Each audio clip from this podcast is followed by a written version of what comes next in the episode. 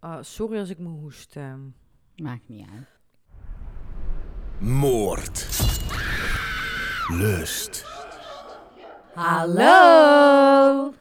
Daar zijn we weer, lieve luisteraars. Ja, we hebben eigenlijk ook wel heel goed nieuws gelijk te vertellen. Want jullie hebben even de tussentijd een beetje moeten wachten op Ja. ons. Sorry daarvoor. Maar Ja, komt maar... weer van alles aan. Ja, ja, we wilden bijna ook de handdoek in de ring gooien, maar toen kwam daar...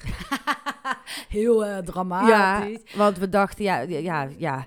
Eh, nou ja, goed. Toen kwam daar Beppie. Ja, onze zomersponsor. Ja, we hebben een zomersponsor gevonden. Ik vind het fantastisch. Ja, ik ben ook echt super blij. En we gaan ook best wel way back met Beppie, hè? Want Ja. ons eerste event ja of festival daar waar we waren, vijf jaar geleden. vijf hè? jaar geleden hebben we, toen stonden we voor Beppie. Ja, Ja, te promoten, te praten, te Ja, van alles. en jullie denken misschien, wie is die Bep? ja, Waar is, wie is Beppie? Waar is Beppie? ja. Nou, dat is een bedrijf. ja. En Beppie maakt verschillende eh, producten die iets te maken hebben met je menstruatie. Zoals Ja. een cup of een spons of ondergoed. Maar heeft ook bijvoorbeeld condooms en glijmiddelen. En eigenlijk wel een merk waar we al heel lang dus mee samenwerken. Ja. En ook al heel lang achter staan. Ja, ik wil net zeggen, we staan er ook helemaal achter Ja. natuurlijk. En wat is er nou bloediger dan een menstruatie? Ja, ja, inderdaad. Dus we vinden het een fantastische eh, sponsor. En we zijn ook gewoon blij eh, dat Beppie ons de komende tijd... Ze gaan ons eh, voor zeven afleveringen lang... gaan wij jullie van alles vertellen over Beppie. En dan, Leila zei net al welke producten ze allemaal hadden. Maar we gaan dus per aflevering ook meer induiken per product. Ja, en eh, nou ja, mochten jullie nou een beetje nieuwsgierig zijn, kan je natuurlijk al een kijkje nemen op de website van Beppie. En Beppie is met een Griekse ei, dus B-E-P-P, Griekse ei. En hebben we ook een leuke kortingscode voor jullie. Ja, ik ben hem nu aan het opzoeken. Ja, hij kan volgens nu- mij voor alles gebruikt worden, dacht ik. Hè? Gewoon dat je hem op de site Ja, gewoon ja kan gewoon. Nou, voor alles in die zin, voor de, gewoon voor alles van Beppie. Dus je Mhm. kan hem niet bij bol.com gebruiken of zo. Maar bij eh Beppie kun je de code... Wow, wacht Volgens even. mij was het SMT en dan W-E-E. Ja. Dus SM2. Ja, SM2 inderdaad. Eh, oh, sorry. Ja, nee, en ik zal hem ook nog in de show notes zetten. Ja, Dat je dat natuurlijk niet hoeft te onthouden. Dan zal ik de site en de code erbij zetten. ja, en je krijgt dan 10% korting. En eh, ja, we zullen, eh, als je hem niet kan onthouden, we herhalen hem wel een aantal keer de komende tijd in de zomer. Zodat als je een product voorbij hoort komen waarvan je denkt, nou, dat is toch een partij interessant. Ja, want Beppie heeft ook wel een paar dingen die eigenlijk geen In- één ander nou, merk heeft. Innovatief. Ja, Echt, wauw. Echt, Ja. nou ja, dit is niet omdat het onze sponsor is. Hè? Want wat ik zeg, we zijn al, of we zeiden, we zijn al vijf jaar goed in contact met Beppie. En Ja. dat we echt wel achter hun producten staan. Maar ze zijn continu bezig met ja, menstruatieproducten en alles daaromheen aan het vernieuwen. En nou ja, we gaan hele leuke dingen bespreken. Ja, en ze zijn ook, wat ik ook goed vind, is dat ze ook heel erg bezig zijn dat...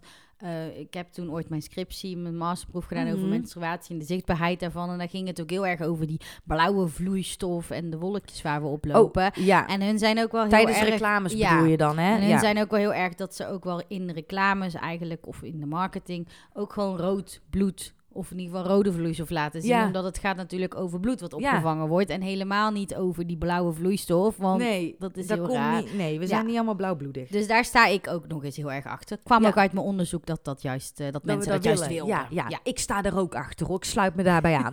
maar goed, Dus Eh, alvast dankjewel Beppie dat jullie eh, onze zomersponsor zijn. Ik vind Ja. het wel leuk dat we voor het eerst een zomersponsor Ja, hebben. precies. Vind ik ook leuk. Vind ik ook leuk. En ehm, ik wil wel even erbij zeggen, eh, nu klinkt het van we gaan elke aflevering helemaal in een product. Dat zal niet zijn dat we de helft van de aflevering Nee. daarover aan het lullen zijn, hè? Maar Maar we gaan nog steeds de zaken behandelen. Ja. En het zal waarschijnlijk in het lustgedeelte vooral terugkomen. ja, precies. Dus eh, dan weet je dat. En ehm, nou ja, dat dus. Beppie de zomersponsor. Zullen we dan nog even naar de groetjes gaan? Ja. Groetjes. De groetjes. Nou, we hebben deze keer weer leuke groetjes van een eh, oude bekende. Oude Oh. be- vertrouwde bekende. Namelijk Marjorie. Ach, Ja. ja, die heeft al aan een paar mensen de groetjes Ja. gedaan. En eh, deze week wilde ze de groetjes doen aan haar beste vriend Leroy. Dus bij deze Leroy, Ja, de groetjes, de groetjes, Leroy. van ons en van Marjorie. Ja, leuk. En eh, we hebben al een wachtlijstje met groetjes. En er komt gewoon eerlijk, wanneer je de groetjes instuurt, komt er gewoon in dat lijstje te staan. Maar wil je daar nou bij? Stuur even naar ons via het contactformulier of via de chat dat je de groetjes wil doen. Ja. Want ik vind dat nog steeds zo leuk. Ja, inderdaad. Ja, ik ben ook blij dat we telkens wel wat hebben. Ja, dat ja, die wel mensen zijn die de groetjes Ja, toch wel. Als ja. heel die jingle, hè. Ja, alles geregeld Ja. rondom heel dit concept. Eigenlijk valt heel de podcast is gebouwd rondom dit item natuurlijk. En eh, ja, dan valt het straks. Maar nee, we hebben nog steeds groetjes om te doen. Maar wil je dus in de wachtlijst komen, ben je welkom en zend even je groetjes in. Ja. Nou, Nou, goeie. Dan eh, hebben we denk ik al het voorpraten gehad. ja, al het voorspel is hier en hier gaan we naar het, het hoofdspel. Zo. Ja, maar niet per se penetratie hoeft te zijn. Maar in deze, ja, ik ging even naar Ja, de seksmetafoor. ja. Maar, ehm, en dit is een zaak. En eh, ik ben laatst naar Harry Styles geweest. Ja. Ja, ik dacht dat ik ook nog een rauwer keeltje zou hebben van al het Haat val mee. Ja, hè, maar ik ben twee dagen geleden geweest, dus het is alweer wel hersteld. Maar toen dacht ik, zou er een fan zijn die een keer zo obsessief gek Mm. van iemand was, dat hij de artiest heeft vermoord? Oh, zo nou, spoilers. die zijn er, ja, ja. En ook even een linkje nog naar onze zomersponsor. Wij zijn mega fan van Beppie natuurlijk. Maar de zaak die heet de Fanclub Killer. Moord. Op 16 april 1971 wordt Selena Quintanilla geboren in Lake Jackson, Texas. Texas. Ja, Texas. Haar vader was Abraham Quintanilla, een voormalig muzikant. En haar moeder was Marcella Ophelia Quintanilla. Zo, wauw. Ja, ik heb hier echt op geoefend. zeggen, wat een naam. Ja. En ehm, die vader was dus voormalig eh, muzikant, maar nu runden ze samen een Mexicaans restaurant. En Selena maakte als jong meisje al snel kennis met de muziekwereld. eh, want haar vader was natuurlijk ook muzikant geweest. En hij voorzag een mooie weg terug voor hemzelf ook de muziekbusiness in Mhm. via zijn dochter. Ja. En dit werd aangewakkerd toen hij ontdekte dat Selena een perfecte timing had.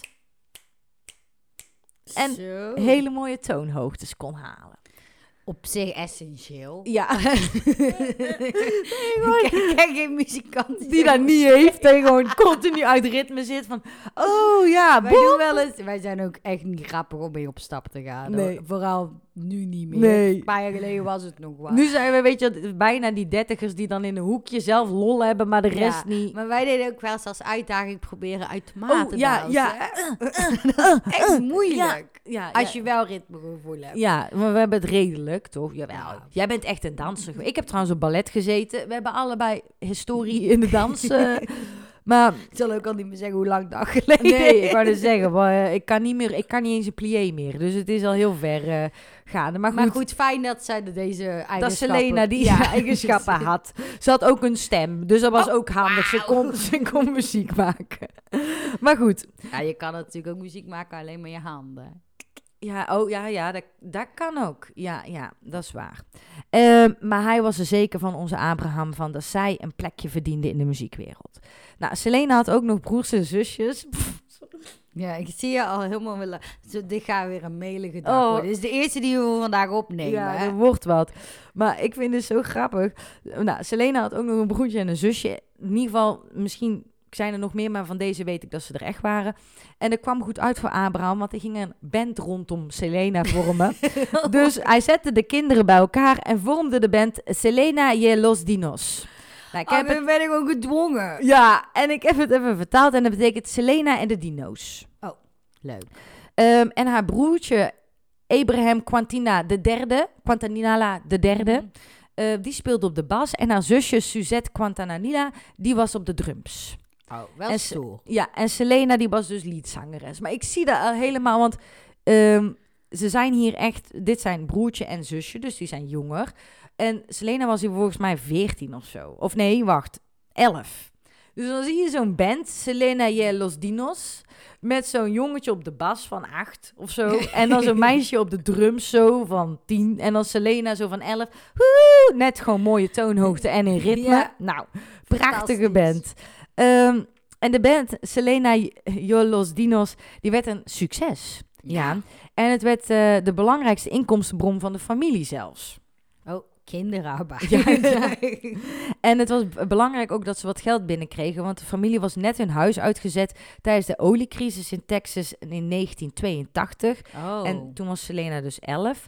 Ehm, en ook moesten ze in deze periode hun faillissement, faillissement, faillissement. faillissement aanvragen voor een restaurant als gevolg van deze crisis. oh, wat naar. Nou, en ik ging even, en ik dacht, ik wil onze luisteraars ook nog gewoon extra kennis, intellect meegeven. Niet dat ik dit wist, hè, dat heb ik gegoogeld.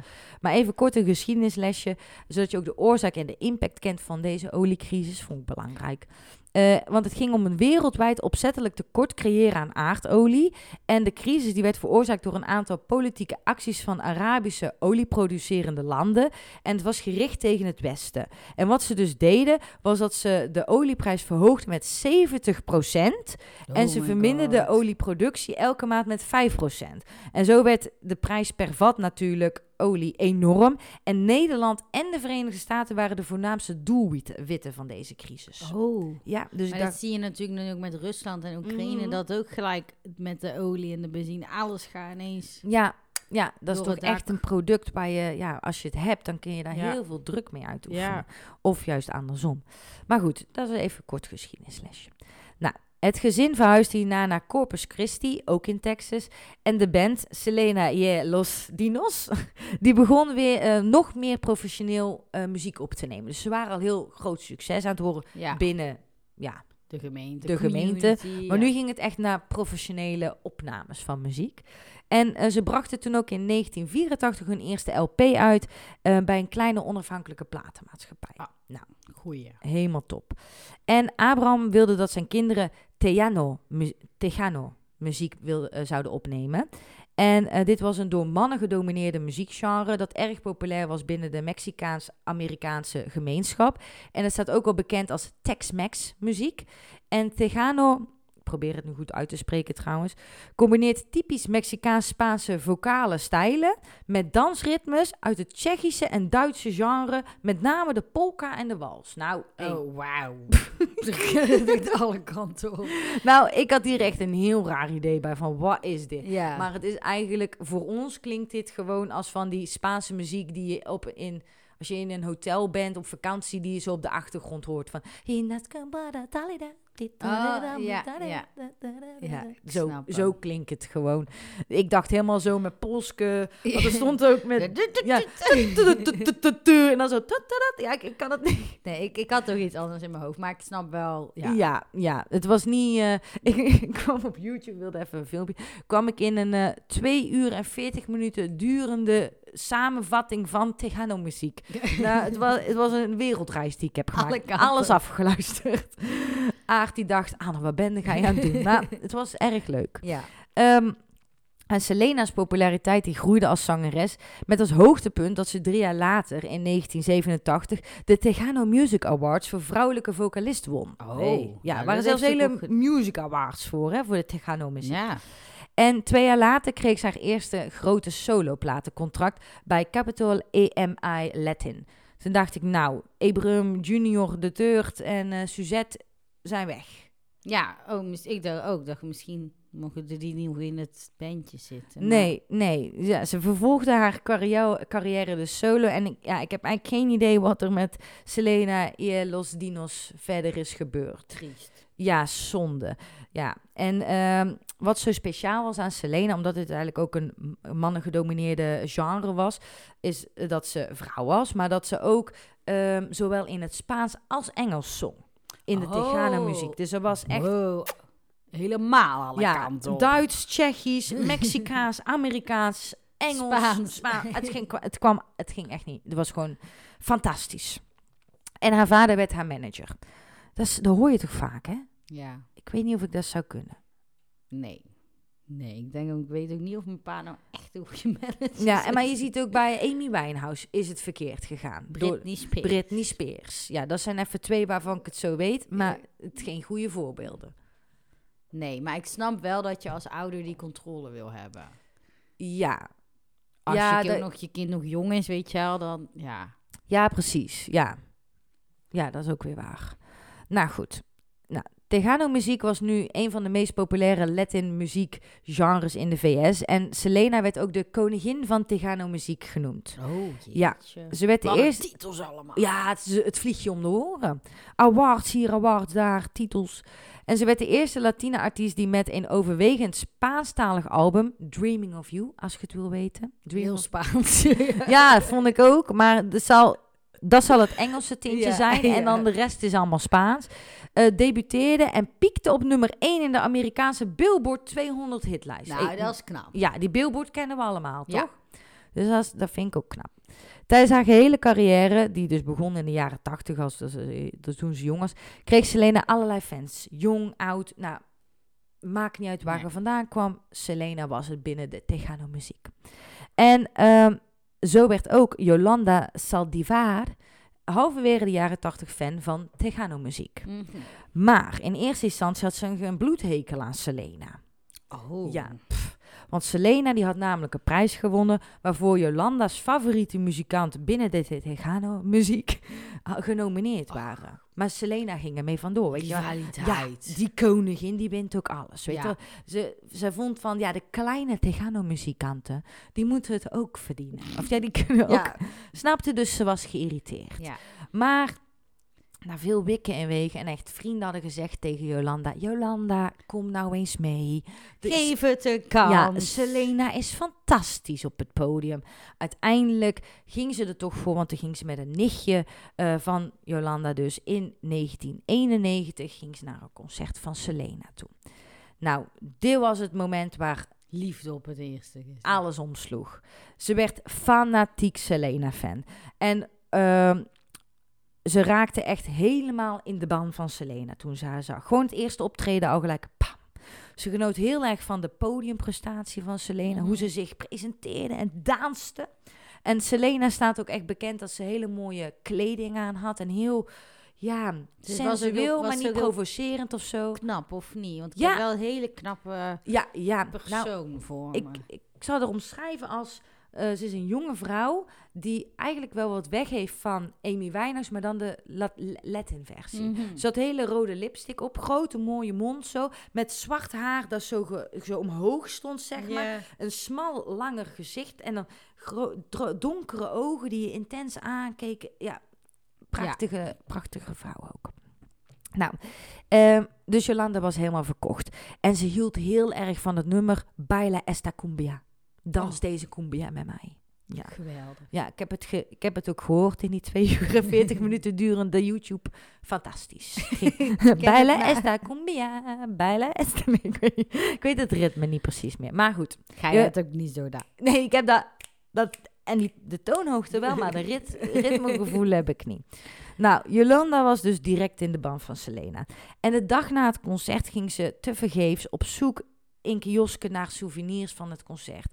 Overal langs, ze kon het nergens vinden. Ze wilde een t-shirtje, een tasje, al was het een cd'tje. Iets van Selena. Nergens iets te vinden. Slecht. Ja, je zou toch zeggen van zo'n artiest, de koningin van Tejano muziek. Dat je wel ergens iets Ja. hebt, toch? Niks. Nou, toen kreeg ze gelijk het idee om een Selena fanclub op te richten. In de omgeving van San Antonio, om de zangeres daar meer te promoten. Dat ze wel te koop is in souvenirswinkels. Een Eigenlijk is het toch eigenlijk erg, hè? Of eigenlijk niet erg, maar dat is gewoon je marketing dan. Dat kost je gewoon helemaal niks als Nee. artiest. Dat Nee. iemand jou promoot en dat je Ja. dus daarmee... Dat is fucking slim eigenlijk. Ja. En ook, ja, en ook als fan is het ook wel de next step, hè? Dat je denkt Ja. van, oké, ik ben fan van iemand, maar ik Maar wil ik wil- ook dat de rest van de wereld deze persoon kent. En ik ben wel echt fan. Ja, ik ben echt diehard fan, hè? Ja, dat je dat echt zo wil. Nou, Jolanda nam haar idee erg serieus en belde meerdere keren Abra- Abraham op. Toen Oh. dacht hoe kom je aan dat nummer? Maar ja, toen dacht ik in die tijd misschien de telefoongids gewoon. Of dat ze er wilde boeken. Tussen haakjes. oh ja, Kraaide de manager. oh ja, precies. Och, oh ja, Ja. ja, goede list van er. Nou ja, ze had 15 keer berichten achtergelaten waarin ze hem haar idee voorlegde. Hallo, ik wil een fanclub starten. Hallo Abraham, weer met Jolanda. Ik wil een fanclub starten van je dochter, Magda. En ik dacht ook, hoezo heb je daar toestemming voor nodig? Start gewoon. Ja, maar misschien is het natuurlijk wel meer legit als het een, een Ja, officiële fan. En als je merch wil, ja, want ze wilden natuurlijk Ja. merchandise meer in San Antonio, dat ze daar ook meer moet verkrijgen via de managers misschien. Oké, ik snap het is het. allemaal te verklaren. Ja, geen gek idee van ons Jolanda. Goed, dus ze zat een doel en ze ging erop af. Hè? Nou, uiteindelijk kreeg ze Abraham aan de telefoon en hij stemde erin eh, mee om Jolanda te ontmoeten om haar idee te bespreken. Van, goh, wat denkt je van een fanclip? Wat, Ja. ik weet het niet wat je dan... Echt, daar ga je toch je tijd niet aan doen als manager, dat je dan... Ja, wie weet hoeveel merch je kan verkopen. Ja, dat is weer waar. Dus een soort marketing eh, meeting. Nou, na deze ontmoeting keurde hij het goed en gaf haar toestemming om door te gaan met het opzetten van de fanclub. Nou, ze werd dus de oprichter en waarnemend president van de Selena Fanclub in San Antonio in juni 1991. Waarnemen. Ja. Gewoon verder niemand, zeg maar, die iets te zeggen heeft. In, maar als je de enige bent, ben je gelijk ook president, vice-president, Ja, dat zeggen wij alles. trouwens ook wel. Want wij zijn natuurlijk Wij zijn het, eh, CEO, ja, het van- finance. Ja, marketing, PR, zijn wij creative directors, zijn we ook van ons eigen bedrijf. Wij zijn ook alles. Boekhouders, we zijn gewoon alles. Technisch. eh, ja. ja, websitebouwer, podcastmakers, editors, van alles. Nou, dat was Jolanda ook van de fanclub. Ehm, als president was ze... Ik zie dan ook echt in Amerika zo... Hello. Eh, Jolanda voor president. ja. Maar als president van de fanclub was ze verantwoordelijk voor de lidmaatschappen, het maken van reclame voor Selena, t-shirts met haar naam erop maken, het regelen van exclusieve interviews met de band. En dat was dus, hier komen ineens de ori- originals, Selena en Los Dinos Oh. terug. Ja, oh. Dus die, dat broertje en dat zusje waren toch nog ergens in de mix, maar verder... Niet werkeloos. Nee, nee, ze waren heel... Selena was echt solo, maar het was dus eigenlijk... Ik denk dat het eh, solo was, maar alsnog met familie in de band. Ja, ja. Maar dat het niet meer om de band ging. Ehm, ze hield ook een factsheet bij over Selena. Zeg maar ja, de, als je daar actief bij... Je zou zeggen, van op een gegeven moment heb je toch alle facts wel. Niet dat er dagelijks iets nieuws bij komt, maar... Ze hield het bij. Het was Ja. echt up-to-date door Jolanda. En ehm, ze meldde ook wanneer er aankomende concerten waren in de omgeving. Liet het allemaal mensen weten van... hé, volgende week weer een concertje. Ehm, en ze inde ook per fan 22 dollar lidmaatschapgeld. Oké. En de opbrengst van de fanclub die ging naar goede doelen, wat ik heel goed vond. Oh ja. En het zusje van Selena, Suzette, die werd uiteindelijk ook het contactpersoon tussen Jolanda en de familie Quintanilla. Oh ja, ja, die vader dacht, ik zet even iemand een ander pion. Ja, ik ben er klaar mee. Het is goed hoor. Ja, als je 15 keer al belt, ik denk dat je dan wel al een beetje een schets krijgt over hoe Jolanda was. Ja. Ehm, Jolanda ontmoette Selena zelf pas later in december, in, wel in hetzelfde jaar, maar ze is in juni natuurlijk president geworden en in december ontmoetten ze Selena. En ze werden zelfs goede vrienden en Jolanda werd ook echt opgenomen in de familie. En ze vertrouwde haar en het voelde alsof ze een deel was van de Quintanillas. Mhm. Maar wie was Jolanda Saldiva nou eigenlijk? Nou, Jolanda werd op 19 september 1960 geboren en ze was de jongste van acht kinderen. Oh my god. Ja, heftig hè? Ehm, haar vader was Frank Sal Saldivar. Hij was de hoofdkelner bij Yacala, een Mexicaans restaurant in West End. En haar moeder die was eh, Juanita Saldivar en zij zorgde thuis voor de kinderen. Ehm, en ze woonden met het eh, gezin samen in San Antonio in Texas. Jolanda die werd tijdens haar jonge jaren geplaagd en gepest op school vanwege haar gewicht. En ze deed me ook een beetje denken aan Martha Beck van de eerste aflevering van The Lonely Heart Killers. Mhm. Ook qua uiterlijk leek zij een beetje de Latin-versie van Martha. Ehm, en die werd ook natuurlijk gepest rondom de gewicht. Maar ze zijn ook beide verpleegkundigen, maar daar kom ik later nog op. Ze hadden echt een zelf... zo vaak verpleegkundigen. Ja, Zo, echt in deze zoektocht toen ik een zaak Goed dat ging je eruit bent gestapt. Ja, ja, inderdaad. want anders zou ik echt binnen het profiel gaan passen, hè? Van verpleegkundige, true crime lover. Ja. eh. en dan, nou maar goed, die, die, die leken, ja, ik vond, ik vond ze op elkaar lijken. Maar ehm, Jolanda maakte zelden ook vrienden en isoleerde, isoleerde zichzelf ook van alle mogelijke socia- sociale activiteiten. Dus eh, ja, het, het werd ook steeds minder dat ze mogelijkheid had om vrienden te maken. Ze ging naar drie verschillende basisscholen toe, maar ik weet niet goed of dit nou vanwege het pesten was of een andere reden had. Want ik zag ook ergens dat ze heel slim was en dat ze naar de beste scholen ging en dat ze dus eigenlijk misschien elke keer een stapje hoger ging. Of dat het dus door het pesten kwam. Ik, dat weet ik niet. Ehm, en op de middelbare school besloot ze dat ze zich ook ging aansluiten bij het ROTC.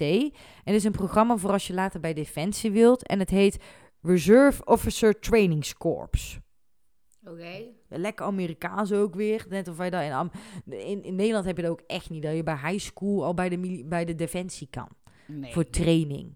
Nou, daar dus wel. Ehm, ze heeft er trouwens alvast, dat je het weet, niks mee gedaan. Maar ze, zat, ze heeft wel dan dat gedaan. Ehm, en ze maakte haar middelbare school af in 1979.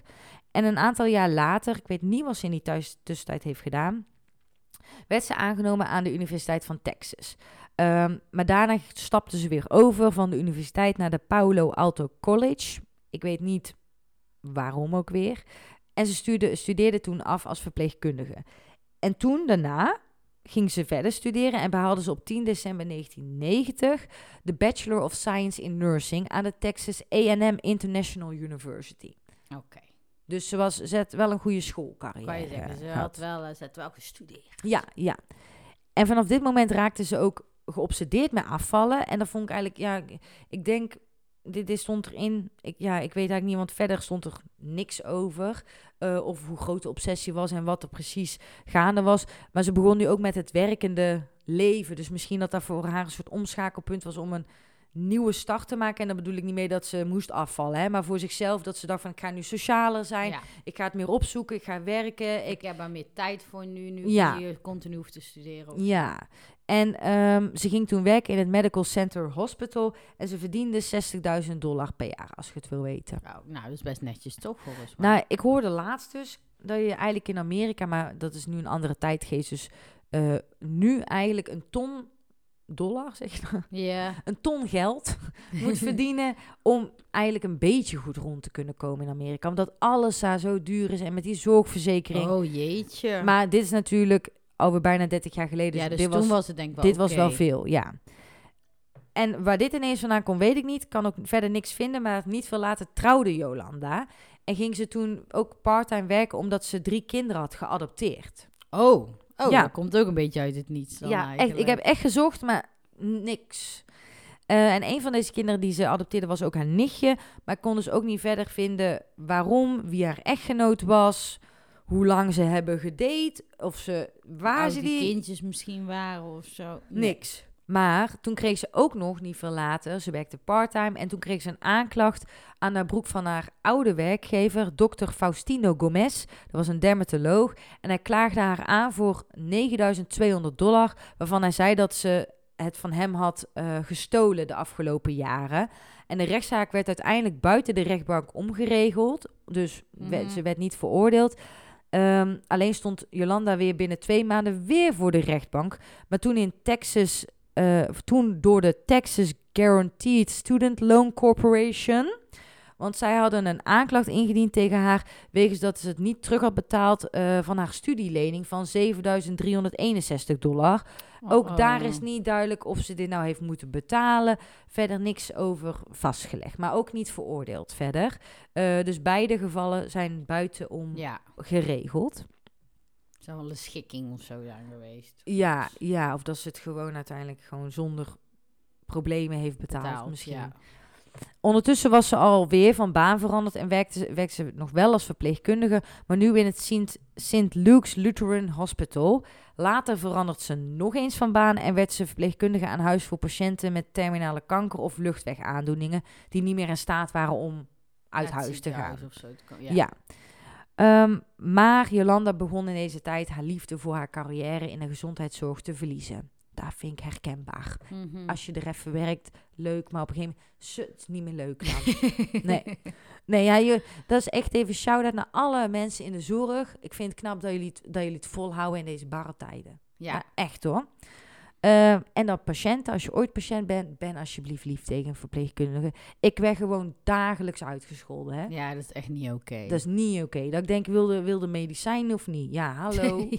Iemand heeft letterlijk een beetje, ja, wel je leven in handen. Ja, soort van, En dan ga je daar je agressief... onder, ja, of- ik gekrapt, ik ben gebeten, alles, hè? Eh, ja, dat is echt niet oké. mhm. Nee. Dus bij deze shout-out naar alle zorgmedewerkers. Maar goed, Jolanda die was er klaar mee. En in deze periode werd ze ook toen erg fan van de Tegano-muziek. Oh, oh, dat kwam tegelijk. Ja. Dat is een nieuwe, ja, nieuwe nieuwe, doel. Nieuwe, ja, een nieuwe passie. Maar ze ging natuurlijk, zoals tegen Selena, en ze ging toen eerst naar een concert van Shelly Lares in San Antonio. En daarna benaderde ze ook de zangeres over het starten van een fanclub. Oh. Ja, ik weet niet hoor, maar Maar ze, ze wilde gewoon Nobby. Ja, ze was gewoon, het ging niet eens om de persoon. Nee. Ze was niet echt fan. Ze wilde zelf gewoon president worden van de fanclub. Ja, dat was eigenlijk het doel. En eh, haar verzoek werd toen afgewezen door de vader van Shelley, die ook eh, Ja, de- manager de, manager was. Fred. eh, aangezien hij alleen maar familieleden zou goedkeuren om met Shelley te werken. Ja. Nou, en toen kwam dus het moment dat vrienden haar overtuigden van... je moet toch echt eens naar Selena toe gaan. Fantastisch. Toen bezocht ze dat concert en we zijn nu weer terug bij af. Ja. We hadden een mooi rondje, nee? Ja, ik kan zeggen, we weten wel helemaal waar we zijn. Ja. nou. Nou, Jolanda deed het goed als president van de fanclub, want ze had in 1994 meer dan 8000 fans aangemeld. Oh, wow. Ja, en ik heb er even een soort van rekensommetje op losgelaten. Ik zal je besparen hoe en wat. Eh, even rekenen van die 22, Mhm. ehm, eh, 22 eh, dollar eh, lidmaatschap geld. En dan het idee dat het aantal fans, fans exponentieel stijgt. Mhm. Zeg maar dat je eerst het eerste jaar duizend fans hebt, dan twee. Dat het zo heb ik een rekensom erop uitge. Ik vond mezelf heel knap dat ik dat had gedaan. Eh, toen kwam ik uit op ongeveer 286.000 dollar. Oh. Alleen aan lidmaatschap, hè? In de afgelopen drie jaar. Oké. Dat is toch best wel Dat is heel kwart veel. miljoen. Meer dan een kwart miljoen. Ehm, of een derde miljoen eigenlijk bijna. Ja. ja, ik weet nou niet zo goed dat je er bent gekomen, maar ik geloof je. Wil je het weten? Ja, jij hebt natuurlijk eerst, kijk, je hebt eerst, maar betaalden ze per jaar lidmaatschap. Ja, ja, ja. Ja, dus je hebt eerst een jaar 1000, toen 2000. Nou, ik heb drie jaar gedaan. En toen had ik een beetje heb ik verdeeld. Dat eerste jaar hebben ze duizend eh, Ja. leden. Tweede jaar komen daar 2000 bij. Dus heb je in totaal Oh. 3000. En dan het laatste jaar komen daar 4000 bij. Dus dan had je 4000 of eh, eh, Ja. 8000 leden in totaal. Maar die van 1000 hebben drie jaar betaald. Die van de tweede, zeg maar, twee ja, betaald. hebben twee jaar en de laatste heeft een jaar betaald. En zo kwam ik tot dit bedrag. Fantastisch. Ja, ik, ik, zat, ik vond mezelf heel grappig. ik, denk, wat, ik dacht ook, wat ben ik aan het doen? Wat ben ik aan het uitrekenen waar Jolanda Saldivar in de, in de drie jaar presidentschap van Maar ze gaven het aan goede doelen weg. Ja, zou het. Ja, dat. Nou, volgens eh, media was Jolanda ook de meest efficiënte assistent die Selena ooit heeft gehad. De media schreef eh, dat het duidelijk was hoe graag Jolanda indruk ook wilde maken op Selena.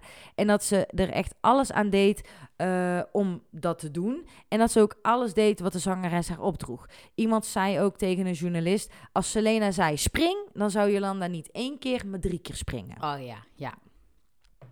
Jolanda die nam ook toen ontslag van haar huidige werk als verpleegkundige en besloot zich helemaal te focussen op Selena en haar fanclub.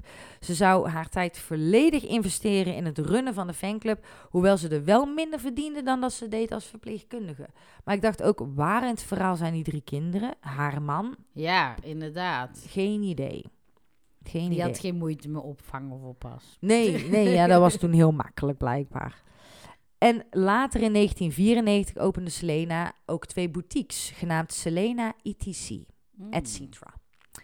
In haar eigen stad Corpus Christi en ook in San Antonio. En beide boutiques hadden ook een eigen schoonheidssalon erin. En Abraham die dacht dat Jolanda wel een goede kandidaat zou zijn om deze twee bedrijven te leiden wanneer de familie door het land ging om te toeren. Nou, had ze toch zo even ja, twee goed- banen bij. Had ze goed gedaan, ja. Ja, en hij gelooft ook dat zij de beste keuze was vanwege haar succes bij het runnen van de fanclub. Dat natuurlijk die, die leden ineens Nou, ik zo... vind dat veel leden ook, ja. Ja, ja, vooral alleen rondom San Antonio, hè? Dus ja, eh, ik weet niet of daar heel de gemeenschap fan was van Selena... of hoe dat mensen... Nee, ik vond het goed gedaan van Jolanda. Ehm, en de familie was daar... Die, de familie vond het ook goed, zeg maar, dat Jolanda dat deed. En in januari 1994 werd Jolanda ook de manager dus van de boutiques. En in september van datzelfde jaar ondertekende Selena Jolanda ook als haar geregistreerde a- agent Mhm. en assistent in San Antonio. Oh, Dus ze had, ja, zelfs officieel. ja. Nadat Jolanda was aangenomen om de boutiques te runnen, verhuisde ze van South San Antonio naar Corpus Christi om dichter bij Selena en haar familie te wonen. Oh jeetje. En inderdaad, Maar waar zijn die kinderen? kinderen. Ge- Geen idee. Geen idee. Ehm, op dit moment runde Jolanda dus een succesvolle fanclub en twee boutiques. Ze had toegang tot de bankrekeningen van de familie die gerelateerd waren aan de fanclub of de boutiques. En ze was ook bevoegd om checks uit te schrijven en te verzilveren. Want dat was natuurlijk Ah, nog in die ja. tijd. Wist je trouwens even iets anders? Dat vorige week de laatste Accept Giro in Nederland is ge- ja, ik heb het voorbij gezien komen. Ja, is niet meer mogelijk.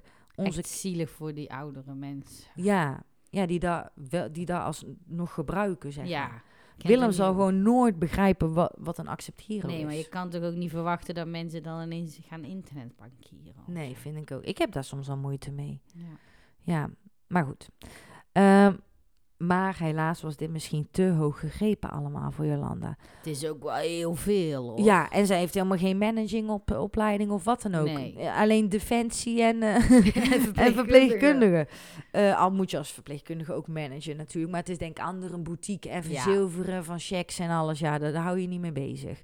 Ehm, maar snel begonnen ook de werknemers van, of andere werknemers van Selena en haar modeontwerpen bijvoorbeeld en haar neef te klagen over de managementstijl van Jolanda.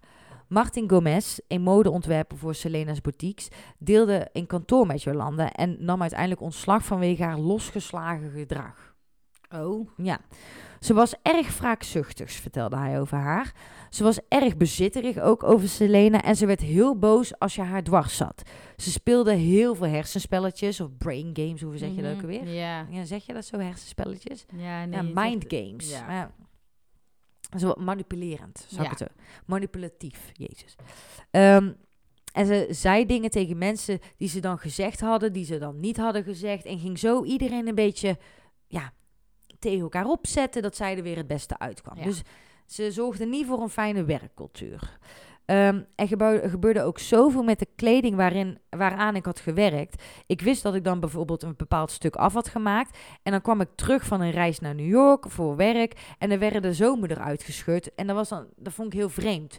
Dat je dan terugkomt en je weet zeker dat je dat stuk klaar ja, hebt. een beetje gaslighting allemaal. Ja, en dan was Jolanda dus allemaal... Ja, hij verdacht Jolanda, wat ik, Ja. wat ik begrijp.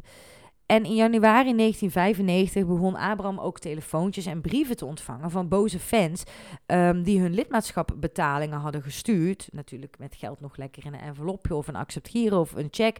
Ehm, maar die er niks voor terug hadden ontvangen. Want het idee was dus dat als ze fan werden, kreeg je natuurlijk zo'n pakketje met een foto, Ja. handtekeningen, shirt misschien iets. Eh maar ze kregen er niks voor terug. Toen begonnen, begon hij de klachten verder te onderzoeken en vond hij bewijs dat Jolanda aan 60.000 dollar van de fanclub eh, en boutique had verduisterd met behulp van vervalste checks. Oh nee. Maar ja, ze had natuurlijk al een verleden met dat geld. hè? Ja, ja. En ik zat ook te denken, zij zocht inderdaad gewoon een fanclub waar ze dit misschien kon doen. Ja, Want, Want ze, bij Shelley ging wilden ze het ook. ja. Nou, de familie Quantanilla confronteerde Jolanda hier natuurlijk mee en ze ontsloegen haar ook meteen. Jolanda was heel erg ontdaan, maar de, ja, de familie vertrouwde haar niet meer. Dus, nee, ja, dat snap ik ook. ja. En Abraham die had nog wel financiële gegevens van haar nodig die Jolanda enkel bezat, maar ze wilde die op dat moment niet geven en ze ging weg. Oké. Ja. Ehm, Jolanda wilde de gegevens enkel alleen aan Selena geven. En drie weken later stemde Selena hierin mee, eh, hierin mee in en ontmoette haar in de ochtend in het Days Inn Motel in Corpus Christi. Toen Selena aankwam was Jolanda helemaal in paniek. Ehm, want de overdracht van de gegevens kon nog niet doorgaan, want, en hier even trigger warning, eh, ze was zojuist verkracht in Mexico. Oké. Ja. En ze zei, ik heb hulp nodig. Selena die was heel lief en die reed Jolanda naar het plaatselijke ziekenhuis... waar ze toen werd onderzocht voor bewijs van een verkrachting Mhm. door de dokters. Maar ze konden niks vinden en ze keerden weer terug naar het motel. Er is ook een ander verhaal, want er zijn twee verhalen hoe dit hier is gebeurd... waarin Selena en Jolanda weer naar het ziekenhuis reed... maar dat ze daar aangaven van... je moet naar een ander ziekenhuis in Mexico... aangezien de aanval naar verluid daar, is, eh, eh, daar heeft plaatsgevonden... en het gynaecologische onderzoek mag niet dan in een ander land gedaan worden. Oh. Dus werden ze weer terug naar huis. In beide gevallen zijn ze in ieder geval weer Nee, terug naar ja. het motel gegaan. Terug in kamer 158 van het motel. Specifiek, hè? Ik was Mhm. erg trots dat ik het kamernummer had Ja. gevonden. Dat zou iets betekenen. Ja, we zijn er bijna, betekent dat. Eh, maar terug in kamer 158 van het motel vroeg Selena opnieuw de financiële papieren en de gegevens aan Jolanda. Maar Jolanda weigerde eno- eh, wederom. Ook gaf Selena aan dat Jolanda nooit meer zou kunnen werken voor haar. En dat dat, dat, Dat gewoon klaar was. ja, Ja, het is gewoon klaar. Toen haalde Jolanda een 38 mm special revolver uit haar tas en richtte het op Selena. Oh, want die had ze ook in de tas. Ja, ja. Trouwens, Texas. Ja, oh. Ja. het is al heel wat dat ze niet zo'n heel wapen om zich heen had. Zat hem, sne- ja, zat hem snel, zat hem gewoon netjes in de tas lei. Maar, oh, ja, ehm, ik voel hem al aankomen. ja. Ja, Selena probeerde meteen weg te vluchten, maar Jolanda schoot direct en raakte haar in haar rechterschouder en hierbij doorboorde ze een slagader. Of Eigenlijk doorsneed ze heel de Oh. slagader. Selena was heel ernstig gewond, maar gelukkig lukte het haar nog wel om naar de lobby te lopen, te kruipen, te rennen Mhm. voor hulp. En ze riep toen nog, Jolanda heeft me vermoord, of Jolanda heeft me geraakt. Jolanda, dus ze riep ook wel wie de dader was. Dat is eigenlijk wel slim. Ja, dat Als zou ik ook aanraden. wordt, is eigenlijk heel slim. Ja, gelijk dat ja. zeggen. Alleen de naam gewoon zeggen. ja. Dan moet dat genoeg zijn, denk ik. Ja. Ze zakte daarna direct eigenlijk in elkaar op de grond in de hal van, de, eh, van, eh, van het hotel. En de receptioniste belde meteen 911. Ondertussen liep Jolanda nog achter haar aan en riep: Bitch! Oké. Ik zie echt zo'n oudere vrouw. Ja, dat is het ook echt. Ja, en dan zo met zo'n wapen. Ja, en ze had zo'n kort pittig kapsel, zeg Ja, maar. Zo'n mantelpakje van die tijd. En dan zo'n president Ja. van de fanclub. Ja, Ja, t- ik- ja. je snapt het type, hè? En dan zo'n bitch met ja. zo'n revolver. Nou, de zwaargevonden Selena werd door de ambulance opgehaald en naar het ziekenhuis gebracht. Ehm, en deze, tijdens deze rit in het, naar het ziekenhuis werd de reanimatie al ingestart, omdat het, ja, het ging echt niet goed. Ehm, en in het ziekenhuis overleed ze later die dag om vijf over één 's middags aan haar enorme bloedverlies Oh. eh, ze had een hypovolemische shock. Ze zou 16 dagen later 24 jaar zijn. Hè? De, ik was dus e- nog super jong ja, natuurlijk. ik had ook heel tijd, maar ze was Ze natuurlijk zit ook op 11. de 14 of 11 al gestart. ja, Ja, ik had ja. ook heel tijd die idee en ze zag er ook veel volwassener of hoe zeg je, gerijpender, is dat een woord? Eh, ja, ik snap wat je bedoelt. ouder Ja, uit op ja. foto's. Eh, maar ze is dus 23 jaar geworden. Echt Oh, verschrikkelijk. sneu, Ja. Nou, terwijl eh, Selena vocht eigenlijk nog voor de leven in de ambulance en in het ziekenhuis. Ondertussen was toen Jolanda zichzelf aan het barriceren in haar pick-up truck. Op de parkeerplaats van het motel. Ze hield de politie uren op afstand voordat ze zich eindelijk zelf, zichzelf overgaf. En er zijn dramatische beelden toen van Jolanda in de pick-up met haar pistool op haar eigen hoofd gericht. Eh, die gingen helemaal rond in de VS. Live op televisie werd daar uitgezonden. Oh, nou, ze kreeg wel aan. Ja, de, oh, maar zie, ja, dat is ook een sneu beeld, toch? Dat je zo'n ja, zo'n vrouwtje in zo'n pick-up truck ziet op een parkeer of van een motel met zo'n geweer. Ja, Ja. oh, dan, eh, dat vind ik dan sneu. Ehm, maar, en dat er ook vooral, ik vind het eigenlijk ook voor haar zielig, hè, dat er live door heel het land gaat. Ja. 330 miljoen mensen die daar ja, maar ja, dit is wel zo veroorzaakt. Ja, ja, dat is waar. Nou, de Latino-gemeenschap die was diep getroffen door het nieuws van Selena's dood natuurlijk. En sommige mensen reisden ook duizenden kilometers af om naar haar huis te gaan, naar haar boutique te gaan of de pla het plaatsdelict te bezoeken.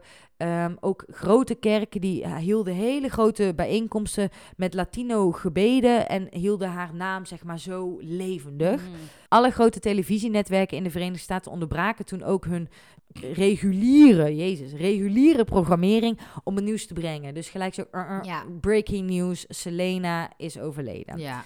Eh, de reactie van het publiek op de dood van Selena werd zelfs vergeleken met de dood van John Lennon en Oh. Kurt Cobain en John F. Kennedy. Ik dacht, holy moly, zij is wel heel groot. Ja. Ja. En eh, sommige Amerikanen die niet op de hoogte waren van, deze, van, van haar als zangeres en haar populariteit, bekritiseerden ook de aandacht die zij toen kreeg. En, ehm, en haar moord, de, hoeveel zeg maar dat alles ook werd stopgezegd en die vergelijking werd gemaakt. Ehm, en een radiopersoonlijkheid, Howard Stern, die bespotte zelfs Selena moord, oh, Selena's moord, haar begrafenis en haar ja, rouwende fans. Nou, En wat hij dus deed, en dat vond ik echt niet kunnen. ehm, hij draaide haar muziek, maar terwijl hij haar liedjes draaide, speelde hij geweerschoten op de achtergrond af. Nou, dan vind ik dat je ook gelijk gecanceld mag worden en je Ja. baan kwijt bent. Dat kan toch niet? Maar ik vind dat sowieso... Waarom zou de ene persoon meer aandacht moeten krijgen omdat diegene vermoord is dan de ander? Ik vind dat sowieso, ik vind dat in Nederland ook al erg. Ja. Dat dan bijvoorbeeld ja, heel erg voor Peter R. de Vries doen of zo, maar dat weet iedereen. Maar ik vind het net zo erg als, als hier ook naast eh, Ja. iemand vermoord zou Ja, dan gaat worden elke zo. zeven dagen wordt een femicide wordt er Ja. gedaan. Dat er een vrouw wordt vermoord omdat ze vrouw is. Daar hoor je dan niks over. Nee, dat vind ik eigenlijk echt heel ja, verdrietig. ja, vind ik ook. Ja. Dus als je dan zoiets op de radio, nou sorry, dan vind ik dat je echt eh, je baan gelijk kwijt. ja, dat je nooit ja dat de ik radio ook gecanceld. Ja. Ja. Nou, op eh 12 april 1995, twee weken na haar dood, riep de toenmalige gouverneur van Texas, George W. Bush, Hey. later bekend als president Ja, natuurlijk, niet van een fanclub, maar van heel het land. Ehm, Nou ja, eh, president, ja, maakt het nou uit? En hij ehm, eh, riep toen eh, de haar verjaardag uit tot Selena Day in Texas. Waarmee weer sommige Amerikanen beledigd waren. Omdat Selena Day op de- dezelfde dag viel dat jaar met Pasen. Och, wat een, ja, je zou je helemaal maar druk om moeten maken. Ja. Hè? Nou ja, Jolanda werd duidelijk natuurlijk opgepakt. Oh, Ja. en het geen proces moeilijk onderzoek nog. Nee, nee, denk dat op zich alles... En dat ze aankomt met een geweer en zegt... Bitch. dat daar op zich wel genoeg is. Ehm, en het eh, proces van Jolanda op, op... Het proces van Jolanda op de moord op Selena werd op de voet gevolgd door heel de Latino-gemeenschap in de Verenigde Staten. En het proces werd expres niet op televisie uitgezonden, maar de camera's mochten wel buiten, zeg ja, maar, er ja. zijn. En de locatie werd toen ook verplaatst naar Houston, Texas, nadat de advocaten van Jolanda met succes hadden betoogd dat ze geen eerlijk proces konden verkrijgen in de geboorteplaats van Selena. Nou, dat Ah, snap nou, ik dan nog ja, wel. Dat snap ik ook nog wel. Ehm, Mm. En de advocaat van Jolanda die voerde aan dat het de schietpartij een ongeluk was. Maar de aanklager wees erop dat Jolanda, een getrainde verpleegkundige, niet het alarmnummer had gebeld. En ook niet had geprobeerd Selena te helpen nadat ze was neergeschoten. Nee. Ja, dat is natuurlijk een heel Ja. sterk argument. Ja. Als je iemand achterna loopt met bitch, sorry, blijf terugkomen. Maar Ja, dan, dat help je niet. nee, is niet een ongeluk dat je boos wordt. Bitch, wat doe jij nou? Eh, dat is, Nee. Nee. En ehm, Jolanda beweerde ook dat het pistool per ongeluk afging. Maar dit vond ik heel slim, heel slim. Er werd echter namelijk aangetoond dat het pistool een 5 schots 38 mm Kelly, Kelly revolver 11 pond druk vereiste op de trigger Mhm. Ehm, voordat je hem kon afvuren. ja, en de revolver is inderdaad best wel Ja, dan moet je echt kracht echt goed. zetten. Ja, moet je bijna met twee handen aanhangen. Zo Ja. zwaar. En eh, dat kon alleen gebeuren als je dat opzettelijk deed. Ze hebben echt testen gedaan. Je kon dat niet per ongeluk. Dus je moet echt bewust. Ah, dat is een goeie. Ja. Ja, ja. Dus helemaal uitdenken hoeveel, hoeveel kracht er. Nou, vond ik heel goed. En de rechter die gaf de jury niet de keuze om te kiezen tussen minder zware beschuldigingen van doodslag of doodslag door nalatigheid. Hij vertelde de jury dat ze Jolanda moesten veroordelen of eh, zeg maar veroordelen of vrijspreken van moord Oké. met voorbedachte raden. Ja. Dus dat, dat vond ik eigenlijk op zich wel een goede dat je niet toch dat het, ja. ja. dat maakt denk ik ook de keuze makkelijker voor veroordeling, Ja. Denk ik. Dan kom je ook wel eerder tot een overeenkomst. Ja. Dan, Oeh, moet dit zoveel jaar of Ja. zo? Ja. Nou, de jury be- beraadslaagde twee uur voordat ze Jolanda schuldig eh, bevonden voor de moord. En ze werd op 23 oktober 1995 veroordeeld tot levenslang in de gevangenis met een vervroegde vrijlating van 30 jaar. Dat is toch bijna. Oh. Ehm, en dit is ook de maximale gevangenisstraf in Texas die is toegestaan. En op 22 november 1995 arriveerde ze in Gatesville Unit. Nu heet dat Christina Crane Unit in Gatesville, Texas. Maar ze zou inderdaad dan bijna vrij kunnen komen. Ja, en eh, ze komt 30 maart eh, 2025. eh, komt ze in aanmerking voor een voorwaardelijke vrijlating. Maar vanwege meerdere doodsbedreigingen tegen haar door gevangen genomen fans van Selena. Oh. Ja, die zijn echt dedicated. Eh, en ook daarbuiten ehm, is Jolanda nu voor haar eigen bescherming in isolatie geplaatst.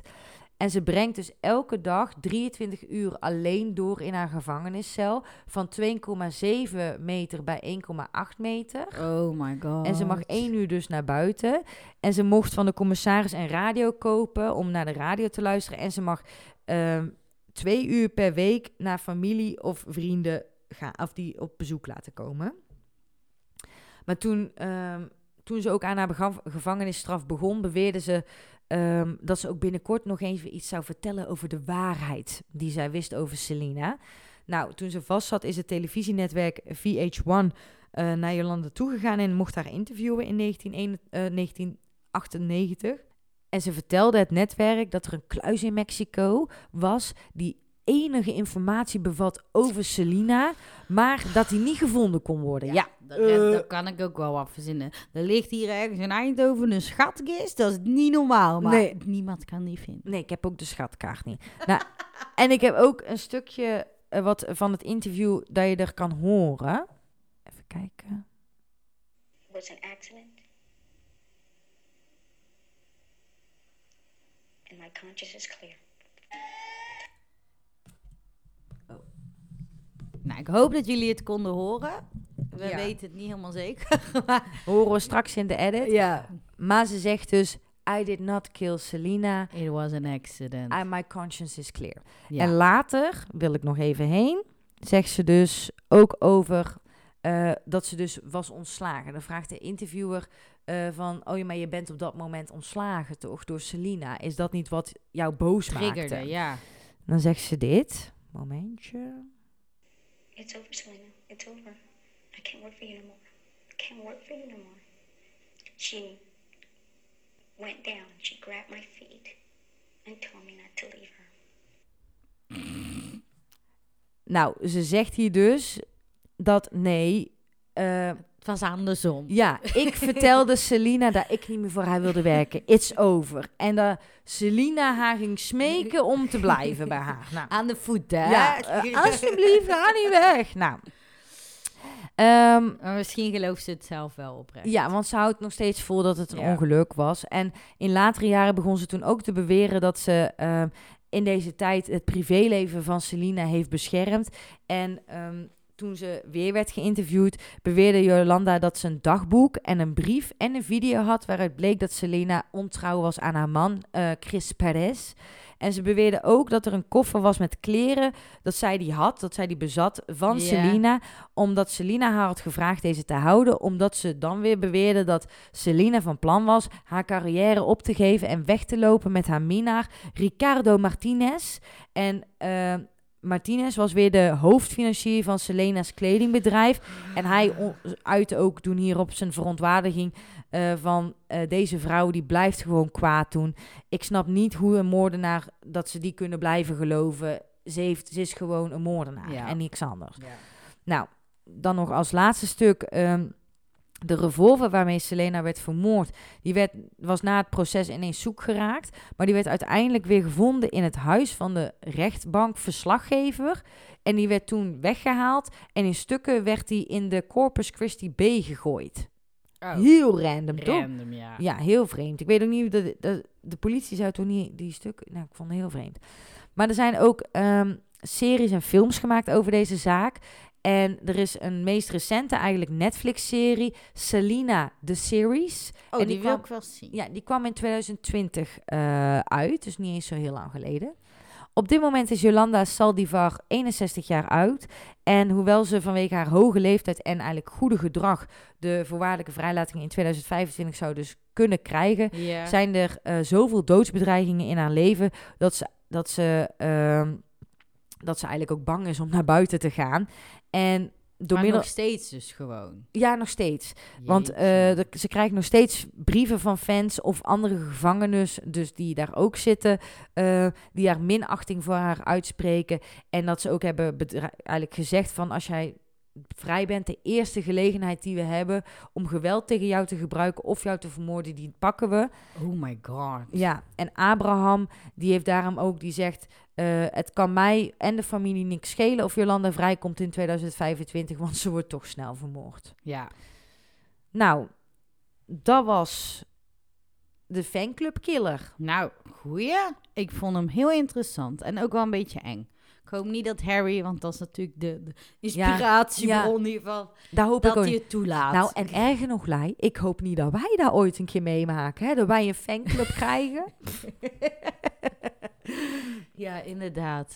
Maar Nou, goed, Ja, en het is ook een soort liefde natuurlijk. Ja, hè? daarom had ik het Ja, even- daarom dat ik dacht dacht, ik al. ja. Ik weet je waar ik aan moest denken? Aan het programma, dat heette natuurlijk ook Fans. Weet je dat Oh, nog ja, op SBS 6? Ja. Dat ze daar iemand van Fan van K3 of zo, of van Ja. Bouwen, Frans Bouwen. En dan was ja. alle merch en heel Ja, het huis en huis. zo. Ja, en dit was Jolanda. Zoiets is, Ja. zoiets, zo iemand was Jolanda, zeg maar ook. N- Nee, Ja. dat, eh, dat ben ik nooit. Maar goed, bedankt voor deze zaak. Dan gaan we naar het lust. Lust. Ja. Ja, nou waar Nou. wil je het over hebben, dit lustgedeelte? Ja, nou, het gaat dus over een obsessie natuurlijk. Ja, En toen dacht ik, zullen we het erover hebben hoe je er zelf achter kan komen wanneer iets een obsessie is? En ik Ja. dacht, dit kunnen we ook breder trekken, omdat we best wel vaak ook aanvragen krijgen van cliënten, bijvoorbeeld met ik heb een obsessie hiervan of ik heb een echt een verslaving hiervan. Dat het vaak eh, eh, dat je er soms niet achter bent voor jezelf. Is dit nou een obsessie? Is het niet een obsessie? Ben ik te ver aan het gaan? Ben ik niet te ver aan het gaan? Dus wat is voor jou, wanneer ben je obsessief met iemand of iets bezig? ja, ik denk, want ik denk wel dat wat jij zegt, heel veel krijgen we daar aanmeldingen van. Maar 9 van de 10 keer is het eigenlijk helemaal Nee. geen verslaving of geen obsessie. Nee. Alleen ik denk dat wanneer je echt merkt dat je obsessief bent, is denk ik wel dat je echt alles laat voor diegene. Mhm. En echt het gevoel hebt dat, dat je enige gedachtegang dat Ja. alleen maar te maken heeft als we even met obses met iemand zijn te hebben. Ja. Dat je alleen maar. Kijk, en als je verliefd bent, heb je natuurlijk ook wel dat je veel aan iemand denkt. Maar obsessief wordt het meer, denk ik, dat je jezelf echt zo aan de kant Mhm. schuift. Doordat je enkel alleen maar bent met de noden ja. van de ander. Of Ja. hetgene wat de ander nodig heeft. Eigenlijk wat Jolanda ook had, ja, dat ze er gezin, want ik denk dat ze dus ook is verhuisd alleen. Ik Ja. heb geen idee namelijk waar die kinderen zijn en dat ze de baan opzegt als verpleegkundige. Dat ze eigenlijk alles laat En om- alles in functie stelt Ja. voor die Ja. andere persoon. Ja, de sociale omgeving, de woonomgeving, de werk, alles ging over Selena natuurlijk. En ik denk dat je dan obsessief bent. Want ook, kijk, het kan zijn dat jij naar een andere plek verhuist voor iemand. Of een baan opzegt omdat je bij, hè, omdat dat beter werkt in, eh, Ja. in jullie samenstelling Ja. of iets.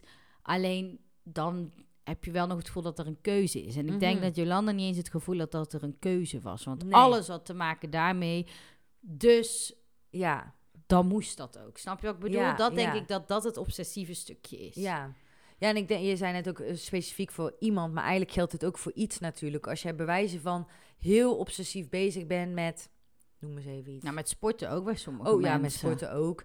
Eh, maar ik zat even ook aan een, aan een vetjes te denken of zo. Als je heel obsessief bezig bent met latex of zo. Mhm. En dat het op een gegeven moment dat je merkt dat heel veel producten in je huis of materialen allemaal ineens van latex moeten zijn. En dat het meer, eigenlijk die superfans, dat het Ja. niet meer een onderdeel is van, maar dat het heel je ruimte ook overneemt. We hebben ook wel eens cliënten gehad waarbij het inderdaad door heel het huis heen spullen zijn rondom die fetish Ja, of rondom die waar. obsessie. Ja, En dan kun je denk ik gaan merken van oké, kijk, het mag echt een, een onderdeel zijn van je leven. En sommige mensen zeggen ook het is een levensstijl. ja. en het mag ook een hele grote kist zijn waar van alles in zit. Hè? Maar Of een kamer Ja. helemaal. Maar als het echt helemaal als het verweven buiten is, die kamer en ook in je woonkamer bewijzen van... Of, Ja. ja. dan is het denk ik wel een te groot deel. Ja. Of in ieder geval, ja. En ik denk ook bijvoorbeeld als je dus echt heel fan bent Mhm. en obsessief bent van een artiest bijvoorbeeld. Ik Ja. neem Harry even weer als voorbeeld. Dat als jij merkt dat al het, dat jij bijna in financiële problemen komt Ja. door dat fan zijn. Dus dat je naar alle drie de concerten Ja. moest en alle merch koopt. En ja, ook nog eens ehm, bij alle fanclubs zit. Of Ja. weet ik wat. Of, of naar andere landen gaat om daar naar optredens te gaan. En, zo. en je komt daardoor zelf in financiële problemen. Of je werk leidt Ja. daaronder. Of je andere sociale contacten. dan, Dan is het ook te. ja, Maar ik denk dat het is net als met een verslaving. Dat het is wanneer jij zelf en anderen eronder gaan lijden. Mhm. Dan wordt het een probleem. Ja. En dat is natuurlijk met alles. ja. En ik wilde trouwens nog ook even, ook even nog over Harry Styles. Wat ik dan weer leuk vind, is dat, want ja, ik was denk niet een van de oudste, waren ook oudere mensen, maar waren natuurlijk de gemiddelde leeftijd was toch, eh, denk ik, 14 tot 18 jaar, Ik zoiets. vind dat grappig, want die hebben helemaal One Direction niet meegekregen. Nee, maar ze- hij, hij zong ook een stuk van One Direction en konden ze natuurlijk wel woord voor woord Oh, ja, ja, meeschreeuwen. ja. Maar ehm, dat ik ook een beetje jaloers was op die tienerverliefdheid op een artiest. Want dat is eigenlijk ook echt verliefdheid, hè? Dat je Ja, een ik heb soort dat van dus voelt. helaas niet gehad. Oh, ja, ik Ja. dus wel. Ja, Jodie Bernal. Kom maar- op, people. ja. Maar, en Britney. ja. Ja, maar, eh, maar dat, dat voelt... Ik denk dat oprecht ook dat een eh, liefde naar een artiest toe ook als verliefdheid kan voelen. Ja. Ik denk, ik, daar is eigenlijk geen onderzoek naar gedaan. Maar, Nee, maar, wij ook, maar wat dan wel weer hetgene is wat bij, die, bij de obsessieve verliefdheid is. Mhm. Dat ze dan echt denken van, oh, diegene keek mij aan. Of die had echt interactie Ja. met mij. Of die heeft mijn hand aangeraakt en ik was mijn hand een, een jaar niet. Of Ja. zo, weet je. Dat, dat, dan Mhm. gaat het wel weer een tikkeltje tikkeltje erover. Ja, Ja. ja. Ja, maar denk dat ik er verder niks meer over Nee. te vertellen heb. Maar ik denk wat ik altijd, en dat, dat is altijd mijn go-to, dat ik zeg, spreek elkaar er wel op aan Ja. als je dat merkt. ja. En niet, nou, eh, wat ben je obsessief? Ben maar van, oh, kijk je wel een beetje uit? Of, oh, Ja. misschien is het ook goed om eventjes iets an even Ja, ergens even- anders op te focussen ja, of zo. precies. Ja, Dat je het wel een beetje in de gaten houdt. ja, inderdaad. En, eh, en even voor de duidelijkheid, wij zijn fan van Beppie producten, maar niet obsessief Nee, bezig. het staat Nee. alleen in het mijn toilet. Ja, in het toilet en in het nachtkastje. Ja. Verder nergens. Niet ineens in de keuken de deur open dat je een sponstampon... eh ja, nee. nee. nee. maar goed. Over Ja, de ik heb andere... trouwent op kantoor ook nog wel staan. Oh, dus voor ja, mij begint het al. dat is, dat is in ons werk natuurlijk. Dat is voor ons een lastige scheidingslijn. Maar goed, eh, volgende week denk ik meer over de, de sponstamponnen ja, ook. ja, ja, ik weet, in mijn zaak is er wel een mooi linkje. Dus Oh. dan gaan we wat meer over de Beppie sponstampon Ja, hebben. sponskiller. Oeh. Nee, maar eh, neem alvast wel een kijkje op de website van Beppie. En onze kortingscode kan je vinden in de show notes. Ja. En mocht je nou nog de groetjes willen doen, andere dingen hebben, dan eh, kunnen jullie ons altijd ons bereiken. Ja. Ja. Nou, heel veel liefs, hè? ja, en eh good to be back. Ja, bye. Doei.